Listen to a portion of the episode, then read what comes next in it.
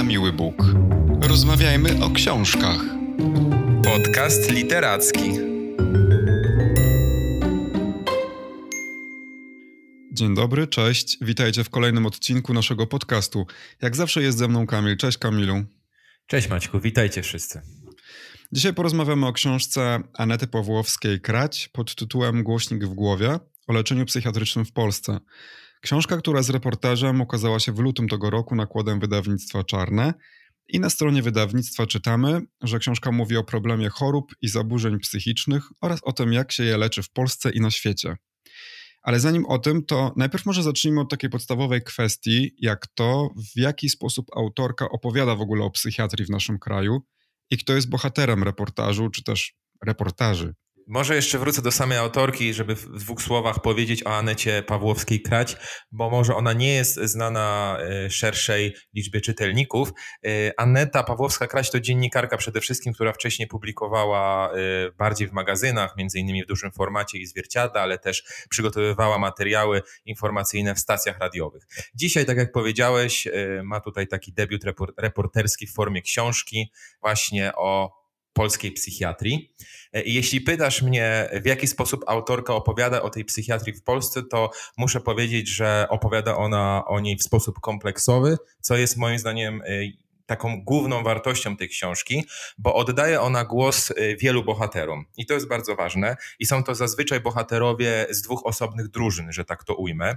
Y, bo mam na myśli tutaj, że z jednej strony wypowiadają się pacjenci ośrodków leczenia psychiatrycznego, y, ich rodzice, ich rodziny, ich bliscy, ale również e, niemalże cały personel e, takich ośrodków ma też swój głos w tym szerokim reportażu. I tutaj mam na myśli takie zawody jak psycholog, dyrektorzy szpitali psychiatrycznych, koordynatorzy, którzy jakby na skalę krajową wprowadzają reformę E, reformy w polską e, psychiatrię, ale też na przykład asystenci zdrowienia. To taki ciekawy nowy zawód właśnie e, w polskiej medycynie psychiatrycznej. Mówię, że jest to interesująca forma pomocy pacjentom, bo jest to coś nowego i polega to na tym, że taki asystent zdrowienia to jest osoba, która wcześniej była pacjentem właśnie psychiatrii E, ale wyzdrowiała, pokonała w jakiś sposób swój kryzys e, psychiczny i teraz pracuje e, w takich ośrodkach na jakąś formę etatu, pomagając obecnym pacjentom, pomagając im wyjść z ich schorzeń. Więc jakby autorka oddaje mm, głos również personelowi medycznemu. E, tak jak powiedziałem, mamy taką wizję opisaną kompleksowo tej polskiej psychiatrii e, i to pomaga generalnie w zrozumieniu tych problemów, których w tej psychiatrii jest wiele, ale tak jak się możesz domyślić, jest ich wiele, tak samo jak w całej polskiej służbie zdrowia. Te problemy są, można powiedzieć, analogiczne do tego, co spotykamy też w innych obszarach Polskiego Narodowego Funduszu Zdrowia. I tutaj nie będzie zaskoczeń, te problemy są oczywiście poważne, czasami nawet wpływają na to, że pacjent y, takich y, ośrodków psychiatrycznych czuje się gorzej w trakcie leczenia niż przed leczeniem. Jednak y, muszę powiedzieć, że ta książka Głośnik w głowie Anety Pawłowskiej-Krać, ona też zwraca uwagę na takie światło w tunelu, i to jest bardzo ważne. Światło w tunelu, które pojawia się właśnie w kontekście polskiej psychiatrii, ono jest związane z reformami, które NFZ chce wprowadzać, które już wprowadziło i, i są na etapie pilotażowym, ale o tym powiem e, więcej e, zaraz. Jak zbudowany jest ten reportaż? Ja bym podzielił go na dwie główne części. Pierwsze to są właśnie te historie pacjentów i to są historie pacjentów, którzy, których dotykają bardzo różne problemy natury psychiatrycznej czy psychologicznej. E, o przykładach opowiem więcej zaraz, o tych historiach konkretnych, e, ale jest też to opowieść właśnie, tak jak wspomniałeś na początku, o systemie leczenia psychiatrycznego w Polsce. E, jak się możesz domyślać, jest to raczej taka surowa ocena stanu tej polskiej psychiatrii, w której po prostu przez lata i brakuje pomysłów, i brakuje kadry, i brakuje pieniędzy, ale tak jak wspomniałem, w której też widać pewne światło w tunelu. Ja się w ogóle bardzo cieszę, że wybrałaś taką książkę, bo raptem tydzień temu przeczytałem coś bardzo ciekawego, coś, co mnie zafrapowało. Mianowicie, co jakiś czas badacze rynku pracy publikują listy tak zwanych zawodów przyszłości. I oczywiście od lat prym wiodą zawody IT, ale ostatnio widziałem artykuł mówiący o tym, że drugą branżą, w której zawsze znajdzie się praca w przyszłości, będzie właśnie ta związana ze zdrowiem psychicznym. I nie chodzi tylko o lekarzy, prawda? Psychologów, psychiatrów, ale również o coachów i trenerów personalnych, czy zupełnie nowo powstające zawody, tak jak ty powiedziałeś, asystent zdrowienia, tak? E, czy na przykład specjalista od zdrowia mentalnego w dziale HR. I coraz więcej dużych firm, to pewnie najczęściej są jakieś duże korporacje, postanawiają zatrudnić kogoś takiego, kto będzie dbał o zdrowie psychiczne pracowników, bo okazuje się, że jest to po prostu tańsze niż wysyłanie własnych pracowników na zwolnienia i burnouty. No tańsze wiadomo, duże korporacje czy, czy, czy w ogóle firmy patrzą z punktu biznesowego. To niestety pokazuje wszystko, że z naszymi głowami nie jest najlepiej, no bo nie dość, że żyjemy w takim przebodźcowanym świecie, to jeszcze żyjemy pod olbrzymią presją zawodową, czy też społeczną bardzo często też. Mm, do tego przydarzają nam się pandemie, kryzysy finansowe, wojny toczone tuż przy granicy. Ogólnie rzecz mówiąc, no, globalne wydarzenia, które budzą w nas różnego rodzaju lęki i obawy, to są oczywiście jakieś zapalniki e, przyszłych problemów e, mentalnych. I w związku z tym, no, wydawałoby się, że leczenie psychiatryczne znajduje się w centrum, albo przynajmniej powinno znajdować się w centrum zainteresowania Ministerstwa Zdrowia chociażby, prawda? Jako ta dziedzina medycyny której rozwój jest niezwykle istotny i potrzebny. W takim razie y, y, zapytam, jak to wygląda w Polsce? Trochę się boję tego pytania, ale co pacjenci powiedzieli autorce? Bardzo podobały mi się Twoje rozmyślenia na ten temat i one są też kompatybilne z tym, co Aneta Pawłowska-Krać pisze. Generalnie wysuwa się taka myśl z tej książki, że lepiej jest y, leczyć albo pomagać ludziom na tych wstępnych mm, etapach problemów, kryzysów psychologicznych, bo yy, i tutaj jakby wchodzi taka forma pomocy środowiskowej właśnie, że, yy, że to psycholog dociera do ciebie, on jakby yy, pomaga ci na tym pierwszym etapie problemów. Wtedy też, y, tak jak można w oczywisty sposób zauważyć, nie dochodzi do pogłębiania się tego problemu, przez co pacjenci nie trafiają y, do ośrodków takich jak szpitale całodobowe, gdzie muszą jakby poddać się już poważniejszemu leczeniu. Pytając o to, co powiedzieli sami e, pacjenci, e, którzy rozmawiali z autorką e, głośnika w głowie, to chciałbym zacząć od takiego cytatu, który jest jakby trochę charakterystyką tych wszystkich pacjentów psychologicznych, że tak to ujmę, ale jest też trochę charakterystyką tego, jak my, albo jak zdrowi ludzie patrzą na właśnie pacjentów z kryzysem psychologicznym. Jest taki cytat w książce, który bardzo mnie ujął. Pacjent psychiatryczny to nie jest pacjent, który domaga się swego, jak na przykład kardiologiczny czy onkologiczny. A pacjenci psychiatryczni, jako społeczeństwo, niechętnie patrzymy w ich stronę, tak jakby byli gorszymi ludźmi, których najlepiej zamknąć i odseparować. Podobnie jest z dziećmi. Chore na serduszko rozczulają, a leczone psychiatrycznie to już nie są takie nasze dzieci, lecz bardziej obce, inne. E, I ten fragment e, tak uzmysłowił mi bardzo dobitnie, że to jest chyba dosyć oczywiste i zjawisko, łatwo je zauważyć, że po prostu stygmatyzujemy osoby z kryzysem psychologicznym, bardziej niż z jakimkolwiek innym kryzysem e, związanym ze zdrowiem. E, jest to według mnie bardzo smutne, że pozwalamy sobie na przykład używać takich słów jak e, psychopata, czy rzucać stwierdzeniami typu paranoja, kiedy na przykład nie znamy tego kontekstu, z czym to jest związane. Mówię, że to jest smutne, bo, bo po prostu nie do końca zdajemy sobie sprawę z tego, co to jest bycie psychopatą albo z czego wynika paranoja, nie? I te historie opisane przez Anetę Pawłowską-Krać, one pozwalają zrozumieć tą genezę e, i ta geneza zazwyczaj właśnie bardzo dotkliwa i bolesna, czasem przerażająca i to można stwierdzić na podstawie tych historii opisanych przez autorkę. E, I po, może powiem o takich dwóch, trzech historiach, które według mnie były najbardziej dojmujące i najbardziej też obrazowały zarówno problem y, kryzysu psychologicznego u ludzi, jak i potem leczenia tego kryzysu. Jest taka historia Magdy, która y, ogólnie dotkliwie raniła swoje ciało, cięła się po prostu, cięła swoje ręce i z tego powodu trafiała do ośrodków leczenia różnych. E, w zasadzie przez dłuższy czas nikt nie potrafił jej pomóc, bo po prostu specjaliści nie byli w stanie znaleźć powodów tego samokaleczenia.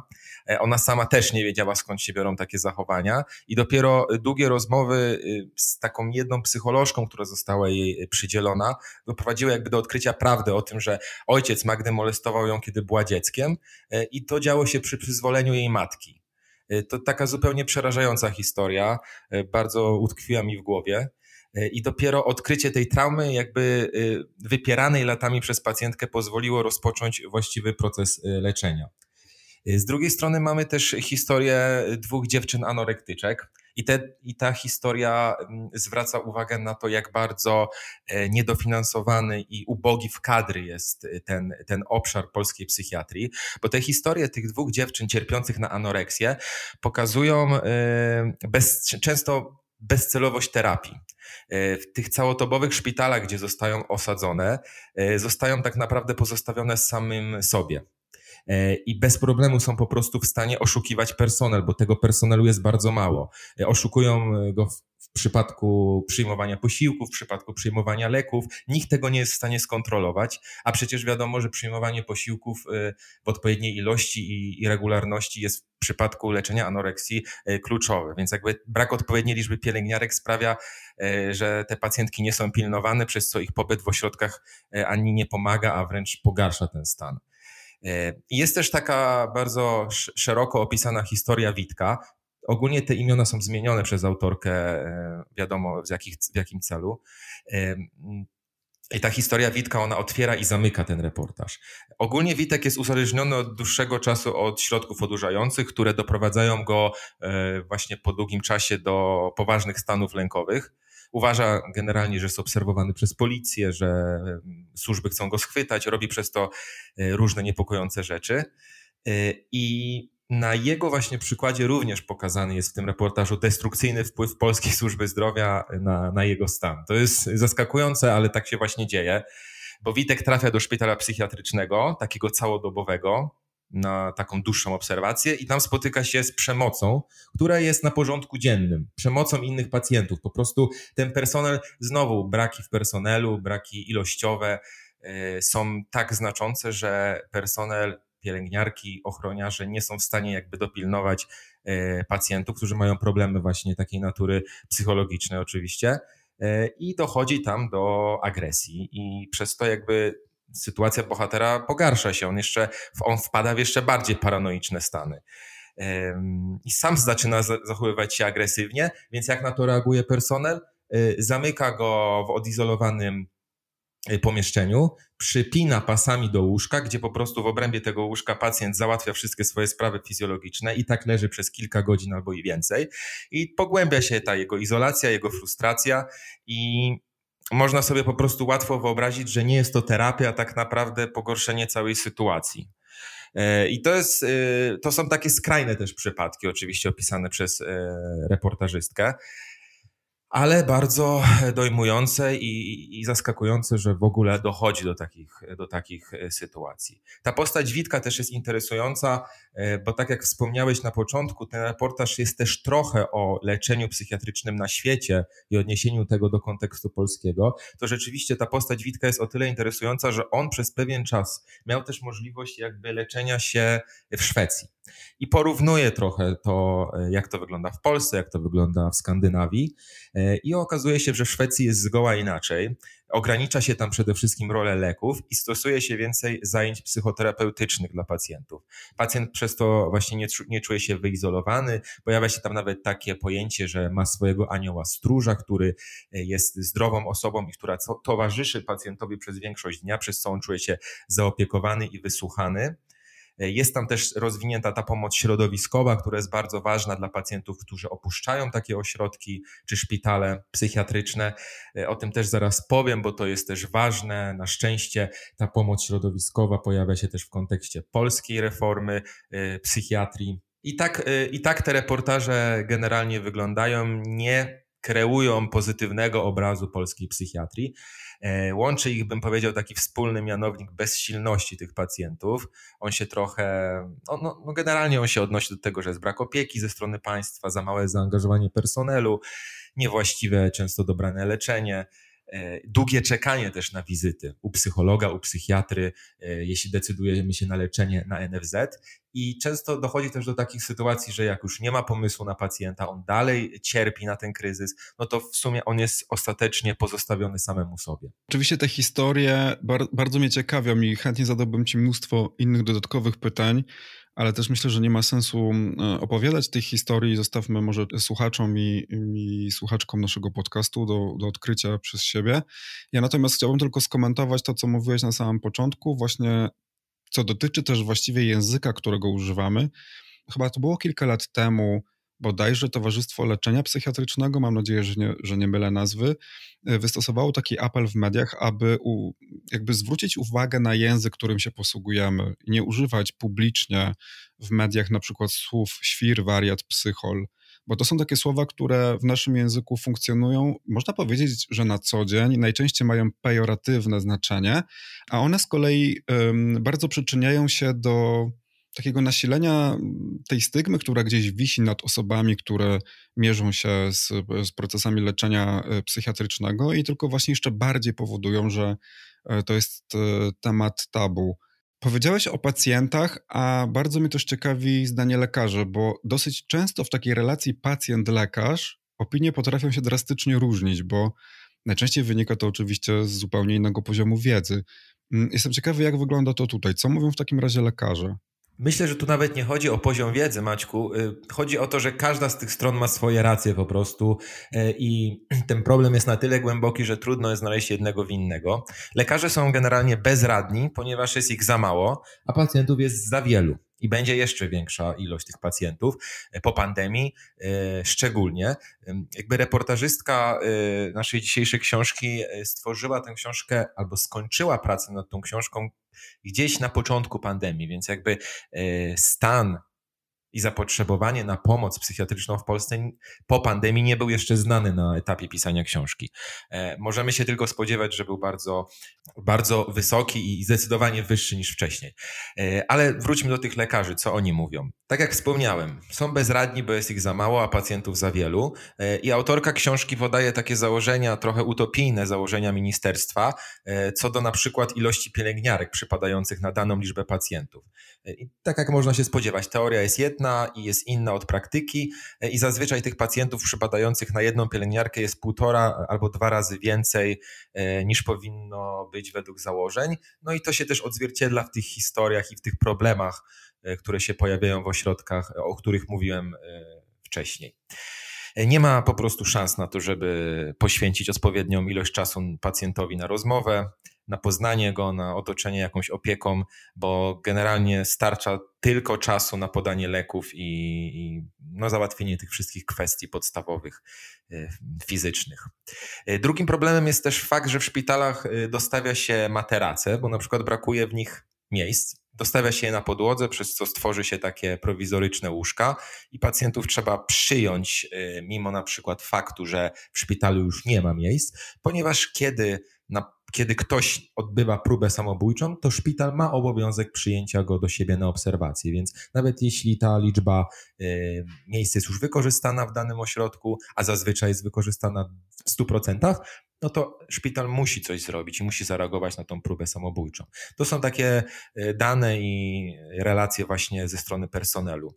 Yy, także możemy sobie też wyobrazić, w jakich warunkach ten personel pracuje i, i też troszkę zastanowić się przed kolejną oceną naszą, że ten lekarz jest taki, tamten jest taki, nieempatyczny i tak dalej, bo, bo za kulisami wygląda to trochę inaczej. Yy, to, z czego warto sobie też zdać sprawę, z czego ja sobie zdałem sprawę po lekturze, yy, to jest też fakt, że personel medyczny w polskiej psychiatrii nie pracuje zazwyczaj w jednym miejscu, bo ze względu na te braki kadrowe, o których mówię, musi się on przemieszczać po pomiędzy różnymi ośrodkami, pomiędzy szpitalami, poradniami dziennymi i innymi placówkami, gdzie niesie taką pomoc medyczną pacjentom. Tego personelu jest na tyle mało, że musi on po prostu e, prowadzić taki mniej komfortowy styl pracy niż po prostu siedzenie przez 8 godzin w jednym miejscu w biurze. I myślę, że to też wpływa jakby na, na jakość świadczonych usług, bo nie jest to po prostu najbardziej komfortowa praca, jaką sobie można wymarzyć. Bardzo jest przygnębiające to, co mówisz, bo mm, wyobrażam sobie, że trafiamy do szpitala i na przykład ktoś kładzie nas y, na materacu w korytarzu i oczywiście cierpimy, jest to w jakimś sensie uwłaczające też, ale powiedzmy, że jeżeli nie jest to przypadek psychiatryczny, to jakoś jesteśmy sobie w stanie to wytłumaczyć, że no, brakuje miejsc, wszyscy potrzebują pomocy, e, pomimo wszystkich tych niedogodności jakoś, jakoś to dźwigamy, tak? Natomiast trudno mi sobie wyobrazić, co muszą czuć osoby właśnie z problemami psychiatrycznymi, tak? To znaczy takie, które nie mam pewności, czy one są w stanie jakby wytłumaczyć to sobie, to swoje położenie i nagle, wiesz, potrzebujesz pomocy psychiatrycznej i ktoś kładzie cię na materacu w e, korytarzu e, szpitala, nie masz nawet swojego miejsca, no, nawet swoich czterech kątów, jest to w jakimś sensie przerażające. Mówiliśmy wcześniej już o tym tabuizowaniu problemów psychiatrycznych. Chciałbym też na chwilę do tego wrócić, bo e, chyba wszyscy mamy świadomość tego, że w dużych miastach tego problemu nie ma, albo nie jest tak może widoczny, zresztą jak w wielu innych dziedzinach. Natomiast mam takie wrażenie, że w małych miastach chodzenie nawet do psychologa, już nie mówiąc o psychiatrze, bywa powodem do wstydu. I to jest ukrywane, prawda? Jednak w dużym mieście chodzenie do psychologa, chodzenie na terapię to jest już chyba teraz coś, coś ok, coś, co właściwie y, wielu z nas powinno tak naprawdę y, zrobić, przerobić swoje traumy y, i tak dalej. Ale ciekawią mnie w tym kontekście dwie rzeczy. Po pierwsze, czy, czy z tym coś się robi? To znaczy, bo wspomniałeś o reformie. I oprócz takich pytań, jak ona wygląda, na jakim jest etapie, na czym by to miało polegać, czy rząd podejmuje jakieś działania w kwestii poprawy mm, psychiatrii polskiej, to mam takie też pytanie, czy rząd podejmuje też jakieś działania społeczne, to znaczy, wiesz, jakieś na przykład kampanie społeczne są planowane, które miałyby odczarować sam fakt korzystania z takiego leczenia? Mhm. Ja myślę, że to są e, dwa różne kierunki, o których mówisz właśnie, jeśli chodzi o polepszenie sytuacji polskiej psychiatrii promocja, ale z drugiej strony reformo, reformowanie służby zdrowia. E, może skupię się na, tej reform, na tym reformowaniu polskiej służby zdrowia, bo o tym pisze, e, bo o tym pisze autorka w książce. I że, rzeczywiście te reformy w polskiej psychiatrii są realizowane i wdrażane. E, I jest to proces trwający, bo to zajmie po prostu wiele lat. Natomiast pierwsze efekty, zgodnie ze słowami autorki i jej rozmówców z książki, są już widoczne. To są bardzo kosztowne zmiany. Przede wszystkim walczy się z brakiem dostępu pacjentów do pomocy psychologicznej i psychiatrycznej, bo na tę chwilę zapotrzebowanie jest bardzo duże. E, niepokojące jest też to, że liczba pacjentów poniżej 18 roku życia e, między rokiem 2009 a 2019 zwiększyła się o 55%, czyli ponad e, połowa więcej pacjentów niepełnoletnich jest teraz Y, właśnie w zapotrzebowaniu na pomoc psychologiczną.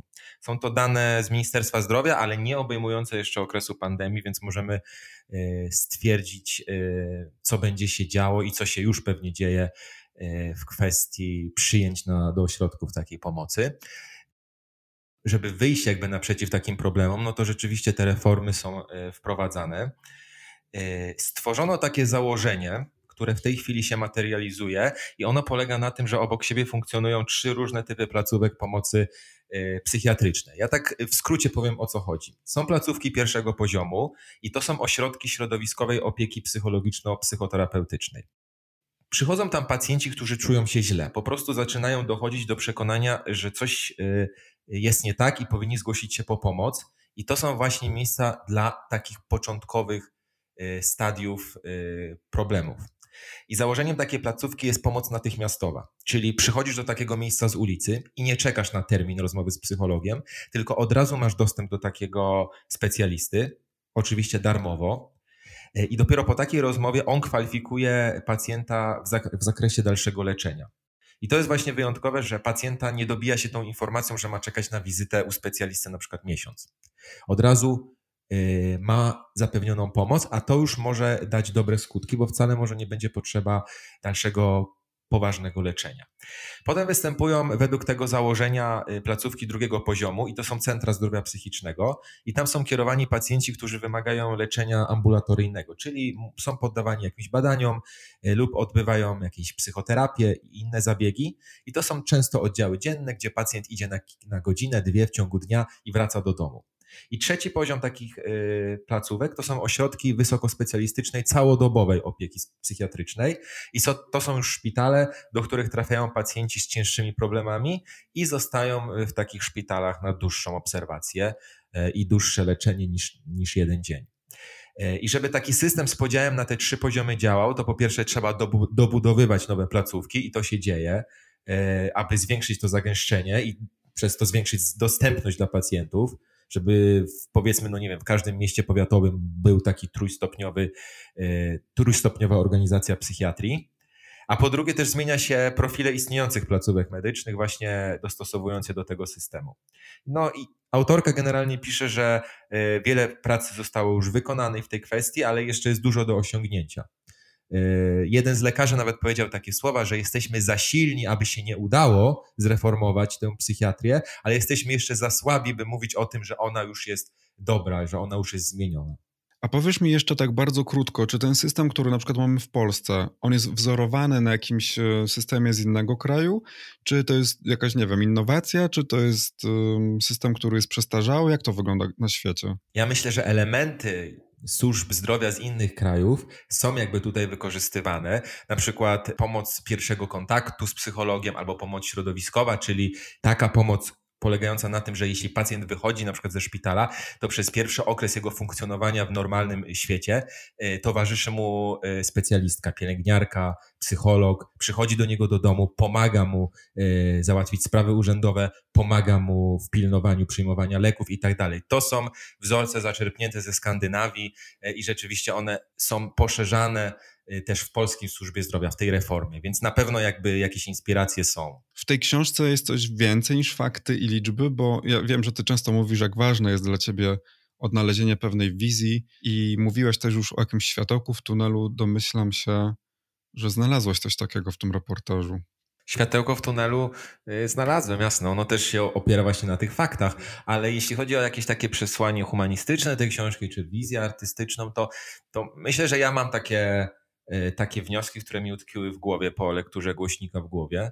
Przede wszystkim ta cała sieć wspólnych zależności pacjentów od lekarzy, lekarzy od ministerstwa, to wszystko pomaga zrozumieć, y, że trudno jest szukać tego jednego winnego, bo ta służba zdrowia w Polsce czy to w kwestii psychiatrii, czy w jakiejkolwiek innej, ona bardzo nas denerwuje, mówiąc kolokwialnie, prawda? I często bardzo łatwo przychodzi nam rzucać hasłami, ten lekarz nie ma empatii, czy ma gdzieś pacjenta, w ogóle daje ci 15 minut na wizytę. E, jeśli jednak właśnie pomyśli się, jak bardzo ten lekarz jest ograniczony, jak wielu pacjentów musi obsłużyć, to zaczyna się e, nieco bardziej tę sytuację rozumieć i to nie jest tak, że, że my jako pacjenci według mnie nie mamy prawa wymagać opieki państwa, ale w jakiś sposób musimy chyba zdać sobie sprawę z tego i liczyć się z tym, że opieka państwa jeszcze długo nie będzie taka, e, jaką byśmy oczekiwali, bo jesteśmy jeszcze no, daleko od tego celu, którym jest osiągnięcie tych standardów. E, I nie jest temu ani winien jeden lekarz, ale stoi za tym i polityka, i stoją za tym braki chętnych do kształcenia się w zawodach medycznych ludzi, Y, i stoi za tym brak infrastruktury i pieniędzy i mnóstwo rzeczy. I, to wyrabia trochę takie zrozumienie, chociaż mm, ja rozumiem, że trudno o jakiekolwiek zrozumienie i wyrozumiałość w sytuacji, kiedy się choruje. Albo gdy chorują ci bliscy. Do, właśnie tak. Ale myślę, że taka świadomość, jak bardzo ten problem jest złożony, jak wiele jest tu zależności, pomogą jakby też, będąc zdrowym jeszcze, przygotować się na to, że w tej kwestii trzeba, trzeba być trochę uczulonym i trzeba jakąś strategię sobie może już przygotować wcześniej. Może też y, połączyć opiekę y, państwa z opieką y, prywatną, w jakiś sposób, w jakiś sposób przygotowywać się na to, że nie będzie kolorowo. Jest jeszcze taka druga kwestia, która wypływa już z bardziej historii opowiadanych przez pacjentów, bo były w, tym, y, w, tych, w tych opowieściach też osoby, o których nie wspomniałem, a w których życiu nic nie zapowiadało kryzysu psychicznego.